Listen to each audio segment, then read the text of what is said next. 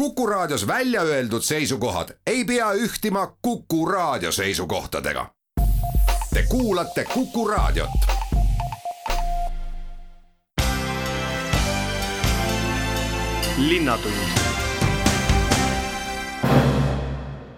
Tere, kallis kuulaja, minu nimi Peep Maasik ja taaskord istun siin Kuku raadio stuudios, et tuua põnevad teemad, mis meil siin Viljandi linnas siis toimub äh,. alustame sellega, et äh, keskkond on meil üks väga-väga äh, oluline teema, keskkonnast tuleb rääkida. me oleme pikalt rääkinud rohepöördest, keskkonna hoidmisest, siis äh, ma saan öelda teile, et äh, meil Viljandi linnas hakkab kehtima siis uus Viljandi linna korraldatud jäätmeveoleping.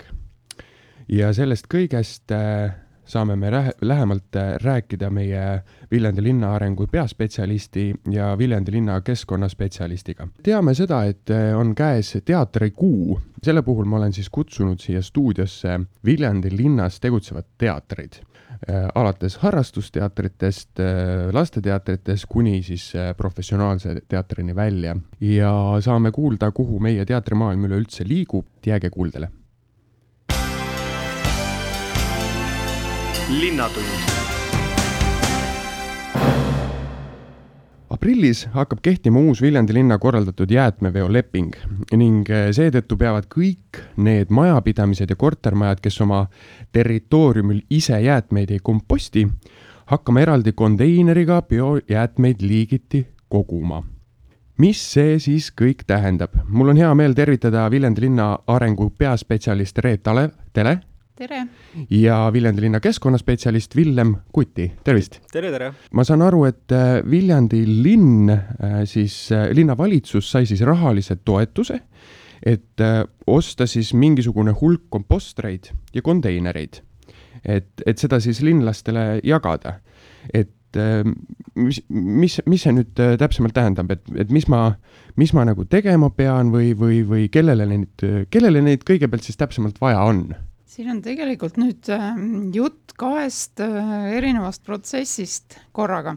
et alates esimesest aprillist, äh, see ei ole küll aprillinali, on meil äh, uus olmejäätmete vedaja konkurss algab. Kõigil on nüüd võimalus jäätmeid liigiti ära, kui varasemalt olid segaolmejäätmed ja, ja mingil määral ka paber, siis nüüd on võimalik ära anda nelja liiki jäätmeid liigiti kogutult. ja selleks, et inimestel oleks lihtsam äh, biolagunevate jäätmetega majandada, me oleme ühe projekti kirjutanud ja me oleme saanud võimaluse osta viissada kodukompostrit ja sada viiskümmend ähm, jäätmemahutit biolagunevate jäätmete kogumiseks. tahame need äh, linnaelanikele laiali jagada ja jagamiseks on siis teatud tingimused, mida peavad inimesed täitma. miks neid vaja on? noh, tegelikult alustame esiteks sellest, et tegelikult äh, selline jäätmeliik nagu biolagunevad jäätmed on niikuinii riigi prioriteet ja sorteerimise põhimõttest tulenevalt niikuinii me liigume selles suunas, et me hakkame kõiki jäätmeliike sorteerima ja biolagunevate jäätmete sorteerimise tähtsus on, on, on selles, et, et lihtsalt äh, vähendada nii-öelda segaolmes olevate biolagunevate jäätmete osakaalu. inimene võib-olla, kes pole absoluutselt praegusele, praeguseks hetkeks nagu kokku puutunud sellega, et mis sinna biolagunevate jäätmete alla üleüldse läheb? biolagunevate jäätmete alla, see on, biolagunevate jäätmed tegelikult jagatakse laias laastus kaheks, on aia, aia- ja haljastusjäätmed ja siis on äh, köögi- ja sööklajäätmed need kompostrid on ennekõike mõeldud siis ikkagi nii-öelda köögi- ja sööklajäätmete jaoks. ehk siis see puudutab jäätmeid, mis äh, majapidamises tekib, äh, näiteks lihtsad näited, kartuli koorimine, sellised puuviljakoored, mingil määral ka siis sellised noh, ütleme, võib ka panna vanaks läinud leiba mingil määral ja, ja selliseid toidujäätmeid, aga noh, seda mitte suurtes kogustes. sama, sama tegelikult kehtib ka lihatoodetega ja piimatoodetega, et üldiselt neid väga suurtes kogustes ei soovitata panna. et enamasti see puudutab ikkagi selliseid jäätmeid, mis noh, tavaliselt majapidamises ikka järgi jääb. nii, aga, aga jõuame nüüd ikkagi selleni, et äh, kes peavad nüüd sellest siis äh, nagu osa võtma, on see kohustuslik, on see soovituslik, kuidas see, kuidas see käib, kui mina, mul on praegusel hetkel äh, näiteks kodu juures ainult üks prügikast, sinna ma kõik asjad nii-öelda praegusel hetkel panen, eks on ju, mis see minu jaoks siis tähendab või inimese jaoks, kes elab paneelmajas? no see tähendab seda, et ole, oleme keskkonnasõbralikud ja, ja sordime oma majapidamises tekkivad ära.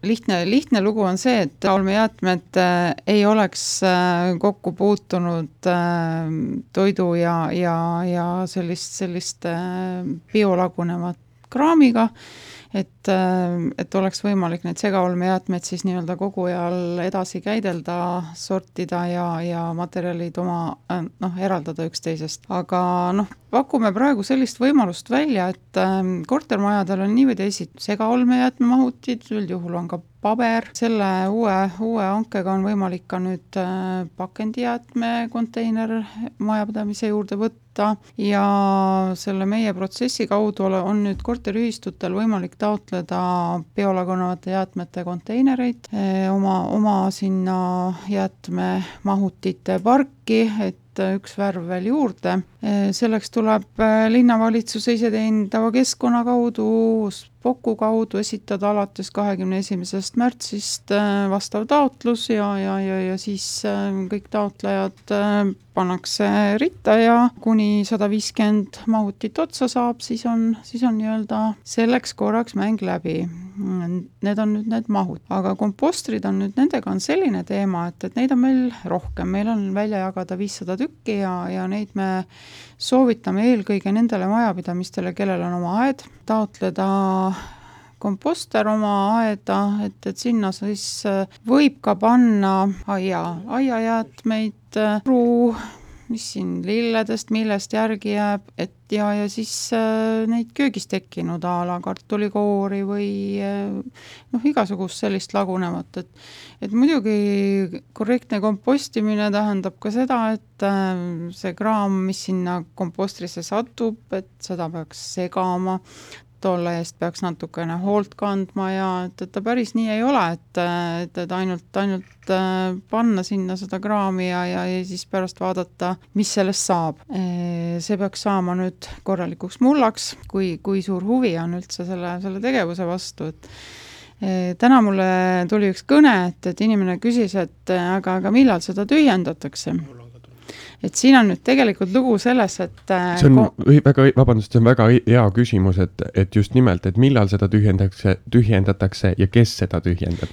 et kompostri tühjendamine on küll selline, et, et kompostris peab toimima ära see kompost, kompostimisprotsess ja, ja kõik, mis sealt tekib, see jääb iga inimese oma kinnistule, et, et kasutada kas siis äh, väetisena lillepeenardes või kus iganes.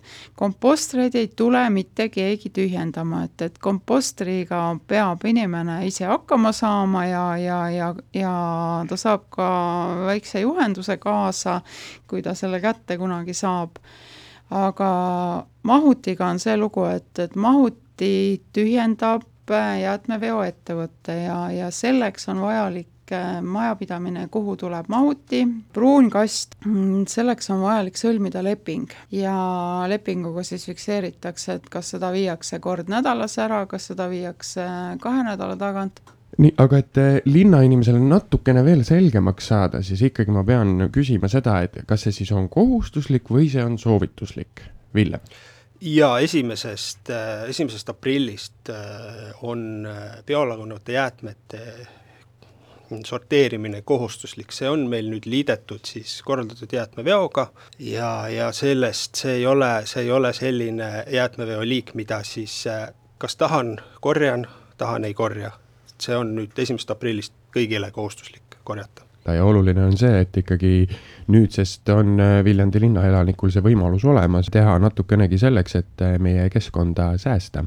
aga ma räägiks, küsiks ikkagi korra nagu üle nüüd veel selle, et, et, et kuidas see nüüd see taotluse te, siis käib, et, et kas, kas, kui ma nüüd taotlen seda kompostrit või mahutit, kuidas see, kuidas need tingimused täpsemalt käivad? tingimused on nüüd sellised, et kompostrit me soovitame taotleda kuni nelja korteriga elamule, et äh, me eel-, eeldame, et, et suuremate elamute puhul äh, võib, võib tekkida see lugu, et äh, te ei suudet-, suuda kontrollida, et, et mis sinna läheb ja, ja et, et see järelevalve jääb natukene võib-olla selles mõttes nõrgaks, et et äh, sinna võib sattuda mida iganes ja, ja kas üldse kortermajade territooriumidel on sellist kohta, kuhu see komposter panna. ja mahuteid on võimalik taotleda alates üksikelamust kuni korter, suurte korterelamuteni. Mahutite osas me oleme pakkunud sellise võimaluse välja, et, et kui on korterid üle kahekümne nelja, et et oleks võimalik taotleda kuni kolm mahu, mahutit, et kas üks, kaks, kolm, et, et eks korteriühistu ise otsustab, et kuidas nad hakkavad peale, kas nad hakkavad ühega või hakkavad kolmega. ja alates üheksast korterist oleks kahte mahutit võimalik taotleda ja taotlus tuleb esitada Viljandi linnavalitsuse iseteeninduskeskkonna kaudu, need lingid ja kõik on, on avalikud ja inimesed leiavad linna veebilehelt selle info kätte ja kuna meil on, projekt on rahastatud Keskkonnainvesteeringute Keskuse poolt, äh, siis projektil on vajalik ka omaosalus tasuda. ja on lubatud nii, et, äh, et kes tasub omaosaluse, äh, siis ta saab selle inventari kohe endale. ja kompostri puhul on omaosalus neli eurot kolmkümmend kaheksa senti ja kogumismahuti puhul kolmteist eurot kolmkümmend senti.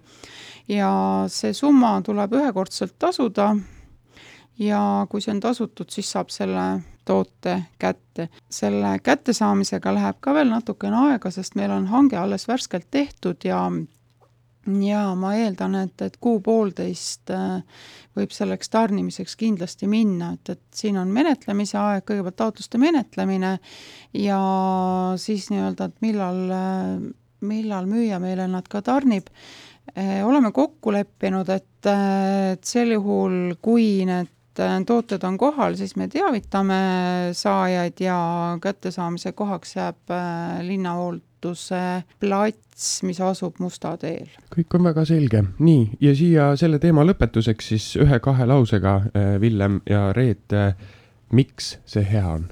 no esiteks mina olen väga suur jäätmete sorteerimise pooldaja, ma olen seda kahes linnas teinud, nii Tartus kui ka Viljandis, see on esiteks juba selles mõttes hea, et ta säästab keskkonda, noh, nagu me teame, siis tegelikult biolagunevad jäätmed enamasti lähevad põletusse, et üritame siis võtta võimalikult palju erinevaid jäätmeliike välja, et nendest siis toota midagi uut, see on see põhisõnum toota midagi uut, väga ilus. ja Reet? mina veel tulen tagasi selle juurde, millest ma alustasin, et, et alates esimesest aprillist on äh, Viljandi linnas äh, kõigil võimalik äh, oma kodu juurde tellida nelja liiki sorteerimiseks võimalused et äh, inimesed võivad endale ka pakendikonteineri koju tellida. Äh, see on ka väga-väga lihtne, lihtne võimalus, pakendit on meil, tekib meil tegelikult majapidamises ähm,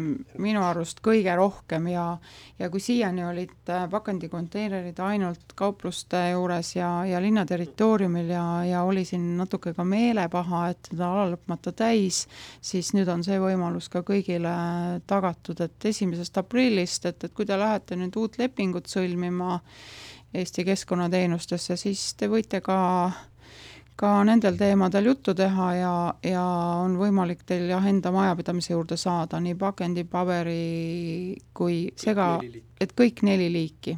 ja biolagunevate jäätmete osas me aitame kaasa selle taotlus, taotlemisega, et et ei peaks endale ostma sealt konteinerit ja anname ka võimaluse oma majapidamise territooriumil kompostida.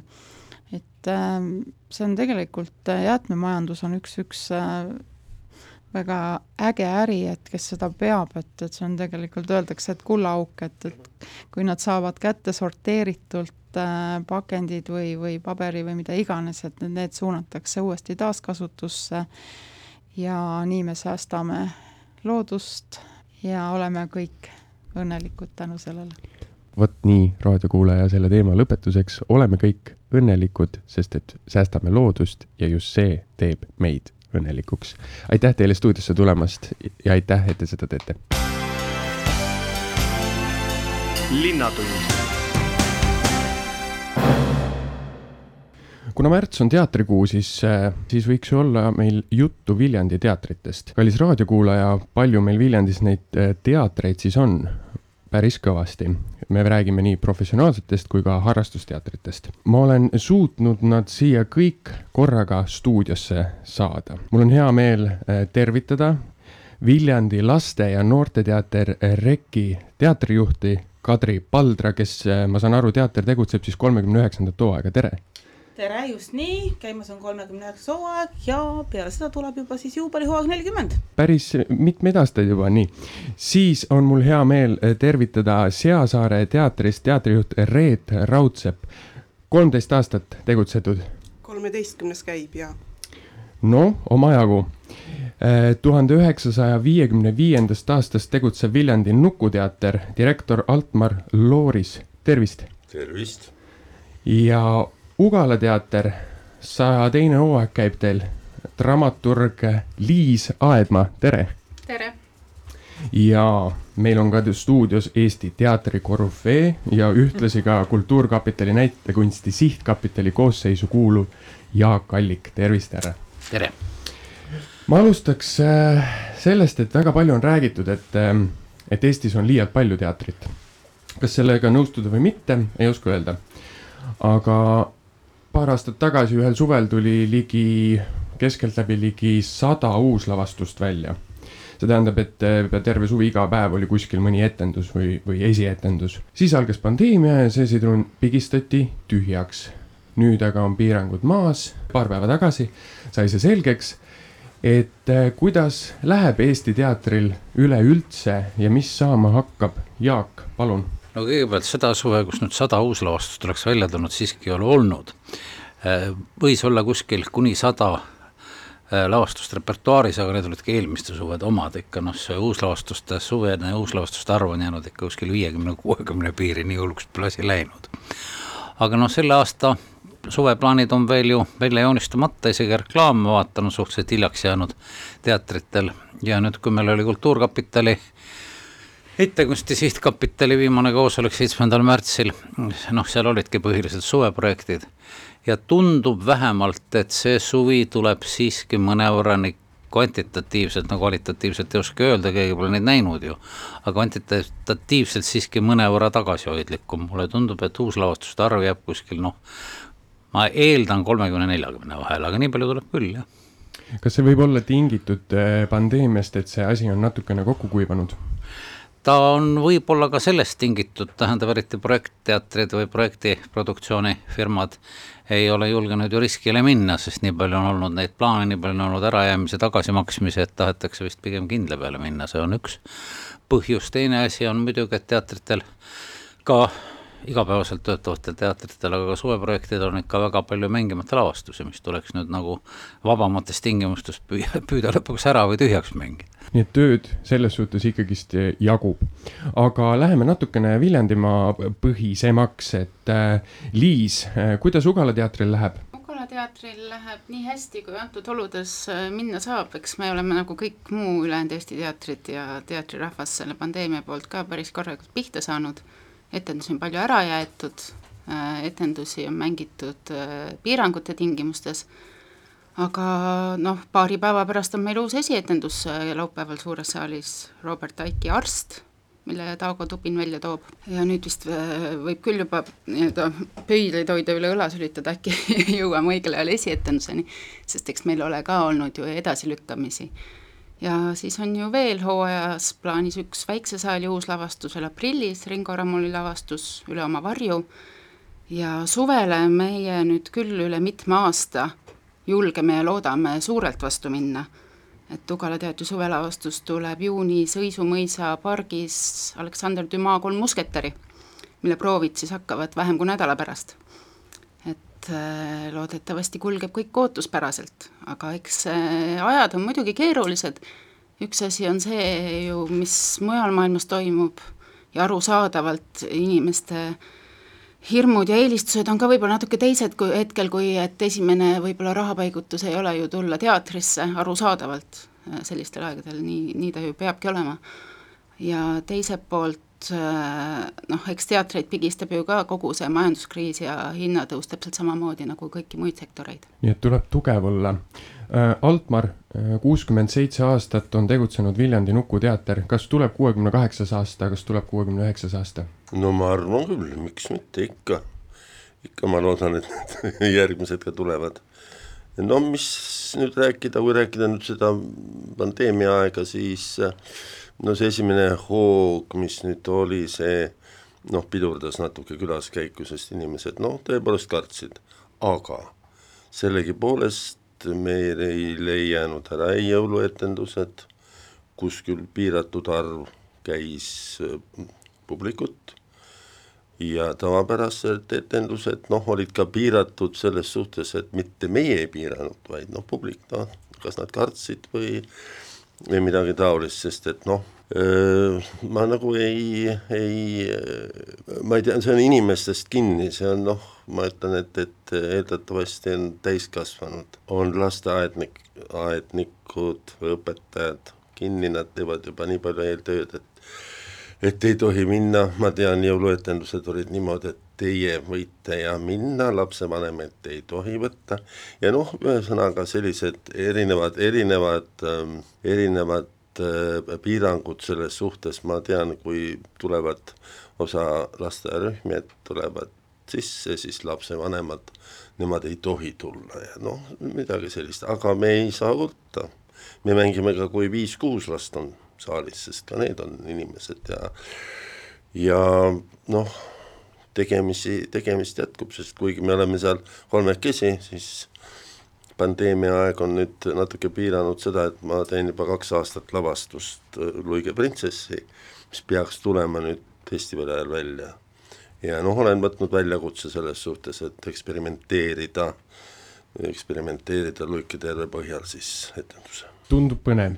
Äh, Viljandi laste- ja noorteteater Reki, äh, nagu nimigi juba ütleb, siis äh, on keskendunud rohkem lastele ja noortele ja koolid, lasteaiad olid tükk aega kinni. kas see viimased kaks aastat on olnud teie jaoks kõige keerulisem aeg ja kas nüüd tulevik tundub helgem? noh, eks ta muidugi on ju keeruline, kui sa kui sa mm, ostad autorikaitse tingimustes välja lepingutega äh, teatud arv etendusi, siis see lükkub sul edasi, siis see lükkub sul veel edasi ja kui sul on juhtumisi seal etenduse peategelaseks sellised noh, ütleme kaheteistaastased poisid ja sa loodad, et sa saad oma Vahtra emme Emily välja mängida nende pisikeste poistega, sa koolitad kaks tükki välja ja siis ta lükkub niivõrd palju sul edasi, et nendest poistest paraku saavad mehed ja sa pead selle loo enne seda, kui see arv täis saab, lihtsalt mängukavast välja tõstma, sest et jah, pole midagi teha, Vahtermäe poiss on ikka poiss, eks ju.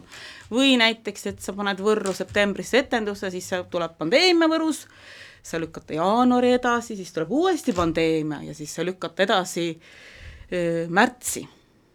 noh, loodetavasti nüüd saab ära mängida aga kasvatajatele ka saadad ükskord selle reklaami, siis saadad selle uuesti ja siis saadad kolmas kord ja siis see kasvataja ütleb, aga mul on nagu tunne, nagu ma oleksin seda näinud ma ütlesin, et noh, ilmselgelt te seda reklaami oletegi näinud, aga tükki jah, pole te veel jõudnud vaatama.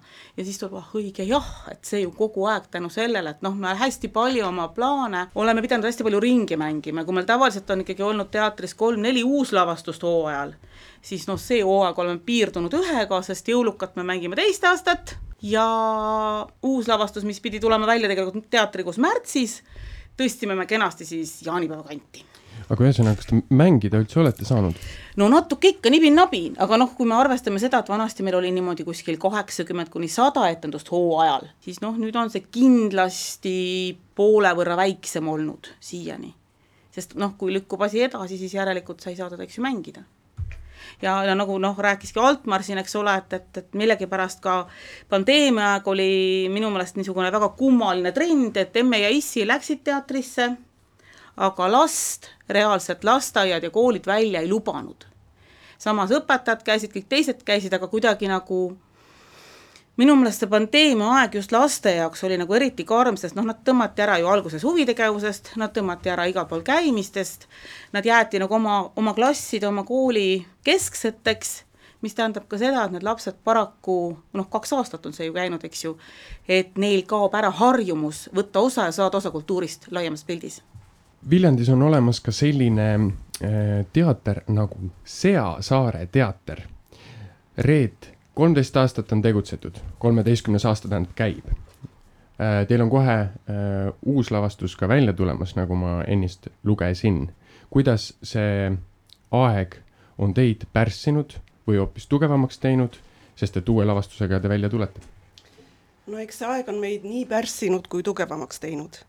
Et kui me vaatame seda pandeemia aega, siis äh, see oli raske, eelkõige puudutas see meid väga valusalt selles suhtes, et meie tegevus liigitub harrastustegevuse alla ja oli aeg, kui harrastustegevust ei tohtinud teha, võis olla seal kaks inimest saalis, et see oli karistatav, kui tuli rohkem inimesi kokku ja mõni veel oli vaktsineerimata, see tõmbas nagu tegelikult meie meie tööplaanidest suure tüki välja, aga vaatamata sellele me ellu jäime ja kuna meil on ka mm, võib-olla võrreldes äh, enamuse teiste harrastusteatritega kanda see koorem, äh, mis on ühtlasi koorem, aga teisest küljest väga suur õnnistus, et meil on äh, oma teatrisaal, aga teisest küljest majanduslikul poole pealt me peame seda ka üle, ülal pidama ja, ja renti maksma iga kuu, et siis see pandeemia aeg oli, oli küllalt karm, vaatamata sellele me igal aastal äh, mängisime ja tuli ka igal aastal on meil ikkagi uus, uusi asju välja tulnud ja nii ka sel aastal tuleb meil välja kolm uuslavastust, esimene mm, esietendus on kohe nüüd äh, reedel, äh, mis on väga põnev asi, kutsun kõiki vaatama. ja tehtud on suveplaanid, suvel mängime Lukemõisas Äh, siis äh, ühe, ühe sellise jupi, seal mitu etendust järjest. ja mm, plaanis on äh, suvel veel korraldada üks rahvusvaheline teatrifestival harrastusteatritele, kuhu siis meie sõbrad ja ja tuttavad äh, üle maailma kokku tulevad. Ja, ja ka siiani käisime ise väljas festivalidel ja korraldasime eelmisel aastal ka Balti Rambi festivali, nii et noh, sellised tegevused. aga igal juhul elus me oleme ja ellu me jääme, praegu veel küll. See kurikuulus, kuulus äh, lause, mis ei tapa, teeb tugevaks, äh, peab ju ikkagi paika, nii et keegi oma poodi kinni ei ole pannud, nagu öeldakse aga selline on äh, siis äh, sissejuhatus äh, meie Viljandimaa teatritele. mõne hetke pärast lähme edasi põletavate küsimustega, nagu ikka, kas Eestil on vaja kahte teatrikooli või mitte ja kas publikut ikka jätkub. nii et kallis kuulaja, jääge meiega. linnatund. see suur küsimus, kas Eestile on vaja kahte teatrikooli kuna ma olen oma väga erinevates ametites, küll Teatriliidu esimehena mingi aja ja ka Ugala juhina ja kultuuriministrina kirjutanud oma elus nii palju põhjendusi või seletuskirju, miks on vaja kahte teatrikooli ja siin ei ole minu seisukohad muutunud. kahte teatrikooli või ka ütleme, kahte kunstikooli, siin oli ju, on olnud ka probleem, et kas on vaja Kunstiakadeemias ja Tartu Ülikoolis maalikunstnikke õpetada. minu meelest ainuke põhjendus on see, kui mõlema kooli eesotsas on väga tugevad eripalgelised, eri kunstinägemisega, nägemusega kuurud. tähendab, et meil on koolkonnad erinevad. kui neid ei ole, siis minu meelest ei ole kahte kooli vaja paralleelselt pidada. Äh, nii et kui ütleme, ühte kooli siin juhtis Kalju Komissarov Viljandis teist Ingo Nurmet Tallinnas, siis oli neid põhjendusi üsna kerge kirjutada ja selgitada. praegu on minu meelest seda põhjendada raske. oponeerime või sekundeerime?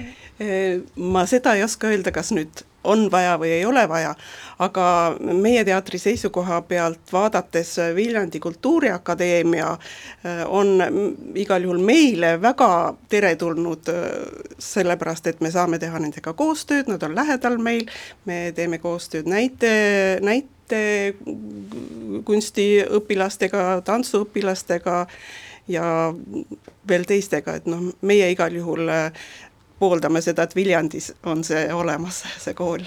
ma mäletan ka toon Kalju, Kalju Komissarovi ühe kursuse tudengid, on ka praegu näitlejad, nad käisid mul stuudios ja väga hea oli nendega tööd teha ja, ja käisid ka stuudios mittenäitlejad.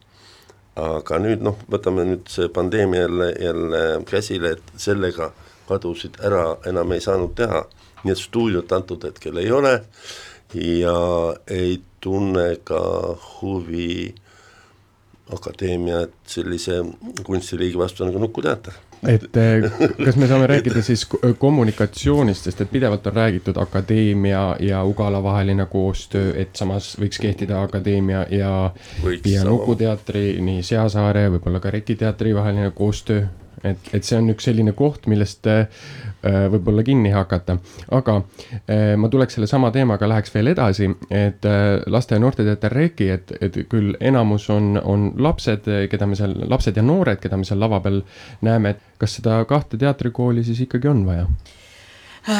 kuidas ma seda ütlen, vot Jaak ütles siin väga õieti, et kui need koolid suudavad välja anda erinevaid näitlejaid, siis nii ka on vaja kui mina praegu täna panen silmad kinni ja kuulan ühte kursust ja siis nad natukese aja pärast lõpetavad, nad on kaks-kolm aastat näitlejad olnud ja ma ei tee vahet, kes räägib, see kehtib nii tüdrukute kui poiste kohta, siis on midagi nagu natukene valesti.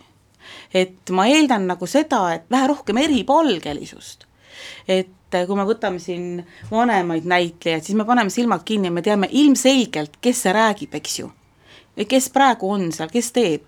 aga noorte puhul on paraku üksikud, keda me suudame ja me võime öelda, et neid on vähem näha, neid on, ühesõnaga me ei tunne neid nii hästi, aga nendel on see midagi nagu, mitte kõigil, aga üldjuhul, et nad on nagu suhteliselt ühtemoodi, neid on väga raske eristada ja noh, me näeme ju igapäevaselt, kuidas üha enam tuleb teleseriaalidesse, näidenditesse mitte enam siis professionaalseid näitlejaid, vaid inimesi tänavalt, sest nad on põnevamad, nad kohati mängivad paremini, neid on põnevam jälgida. muide, ma tahaks ümber lükata ühe niisuguse kõige levinuma argumendi selle vastu, et miks ei ole vaja kahte teatrikooli.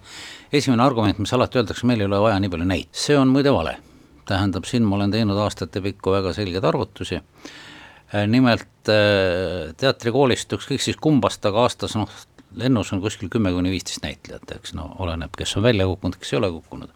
me võtame nüüd Eesti kogu näitlejate kaadri, kõigi kutseliste näitlejate, siis umbes nii palju puhtvanuseliselt jõuab kas pensioniikka või noh, ka juba lahkub meie hulgast, nii et tegelikult seda vajadust, kvantitatiivset vajadust kuskil noh, kümme kuni viisteist näitlejat on vaja küll, aga kuidas nad tööle saavad peale kooli lõpetamist tähendab, kui kool peale kooli lõpetamist siiski enamik saavad kohe nagu alalist tööd, see näitab, et nende järgi on, konkreetselt nende inimeste järgi on reaalne vajadus, aga kui meil tekib see situatsioon, mis paraku on olnud viimastel aegadel minu meelest, võib-olla ma teen liiga, ma pole ju niimoodi paberitest tuhninud Viljandi Kultuuriakadeemia näitekunsti lõpetajad viimastest lendudest on väga, väga vabaks jäänud, üks-kaks vist on tööd saanud, no Peep, sa oled ise sealt tulnud, sa võib-olla oskad täpsemalt öelda.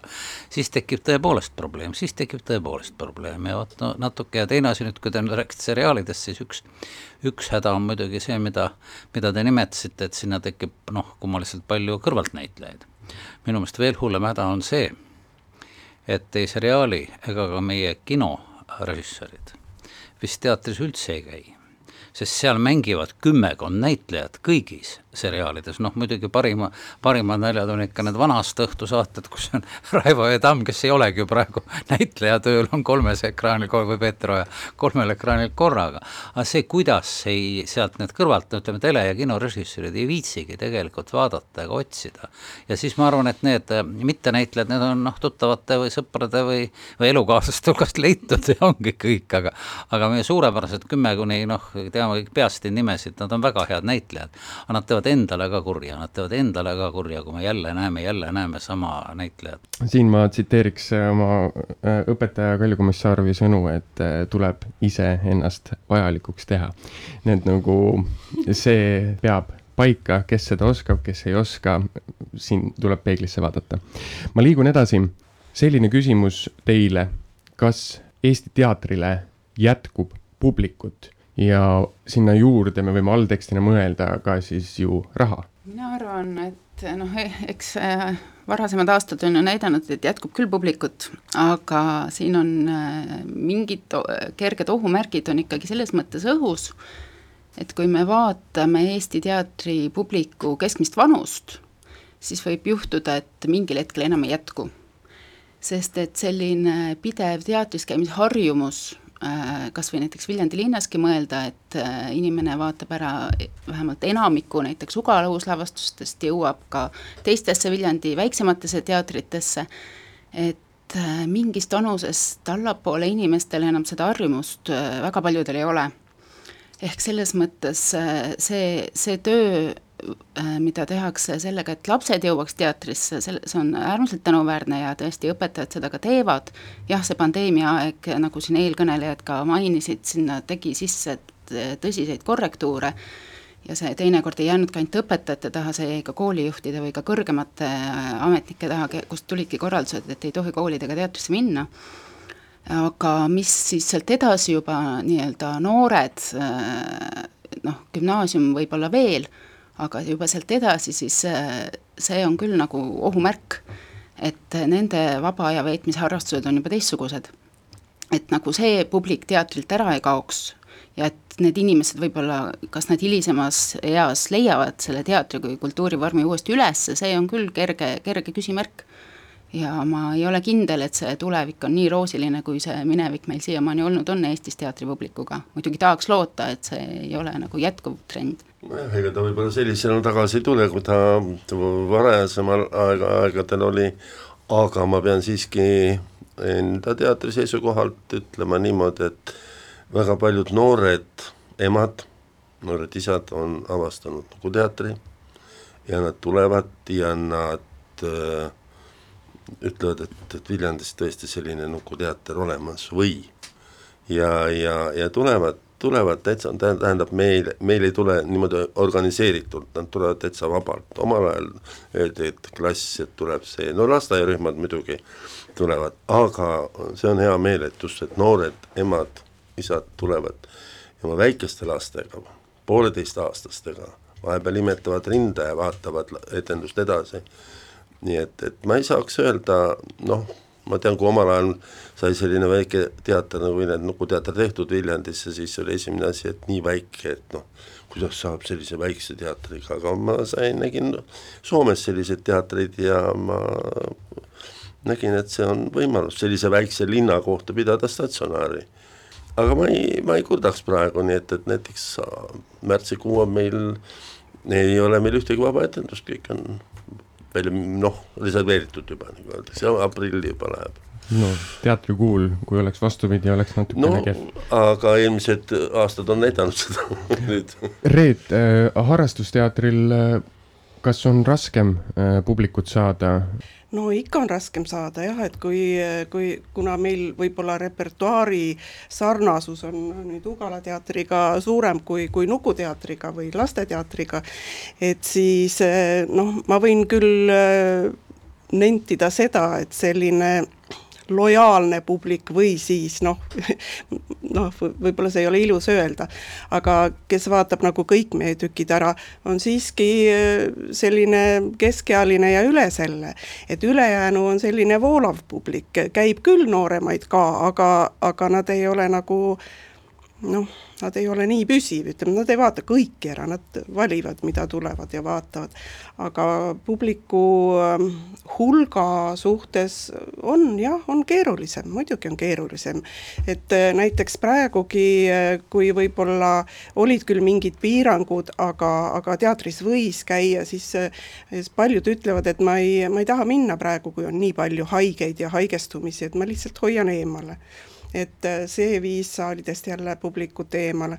aga noh, eks see kevad tuleb ja kevadest sügiseni on see aeg, kui tuleb siis äh, täiega täiega mängida ja, ja teenida see raha, et, et edasi elada. Reki teater tegutseb äh, suuremalt jaolt sügisest kevadeni, vähemal määral suvel, et suvi on tulekul. tegelikult eelmisel suvel me sõitsime niimoodi päris korraliku ringreisina ringi, meil oli erinevat viis etendust, me mängisime ligi kolmkümmend etendust suvel erinevates mõisades, laululavadel, vabaõhuetendusi siis.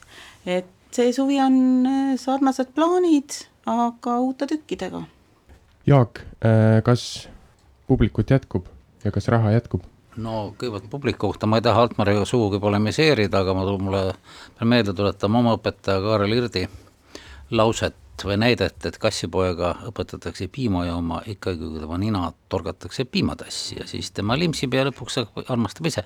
tähendab, suurepärane on, kui selliseid lapsevanemaid on, kes toovad, aga ikkagi see mure, mida siin Liis väljendas, äh, muidugi tõsine, aga näitab seda, et, et äh, noh, mida selgema süsteemiga järjekindlalt töötada lasteaiakasvatajatega, kooliõpetajatega, noh, et oleks ikkagi kollektiivkülastused, sest kaugeltki mitte kõik perevanemad ei too oma lapsi teatesse, et ikka me ei tohi seda ära unustada, et, et see on ka ikka õpetajate, lasteaiakasvatajate noh, missioon või siis nagu Reki vist käib väga palju ka kohtadel noh, seal mängimas, eks aga raha kohta jah, palun polemiseerige. Jaagul on selles mõttes hästi õige, et kusjuures see on Eesti, kuna meie oleme ikkagi enamjaolt ringreisiteater, Eestis on nagu väga-väga erinevad õpetajate, kasvatajate suhtumised, muide praegu seni osad äh, lasteaiad, koolid annavad tagasisidet, et neid ei lubata välja, et need, no ühesõnaga siiamaani neid ei lubata välja, teised jälle suure hurraaga, eriti nüüd, kui läks see Covidi tõendi nõue maha, sest väga paljudes kohtades ütleb mulle lasteaed, et aga ma ei saa lasta välja, sest mul ei ole anda kaasa kolme nõutud kasvatajat,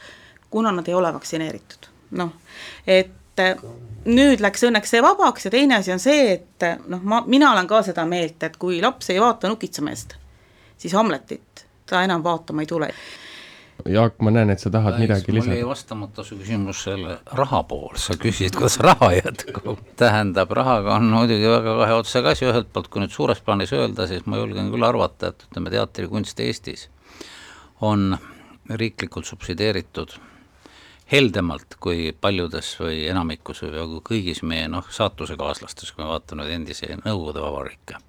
teine asi on nüüd muidugi see, et mis siis nüüd edasi saab, kui ma nüüd loen täna lehtedest, et meie suurepärased parteijuhid räägivad, et riigikaitsekulutused tuleb tõsta neljale protsendile ja eile Uue Faktorist kuulsin, et sada tuhat põgenikku tuleb varustada sotsiaalkindlust kõigi nende hari-, haigus ja nii edasi kindlustusega, siis tuleb mul ikkagi mõte, et eelarve on ikka sada protsenti, tähendab, kuskilt tuleb siis see raha ka võtta.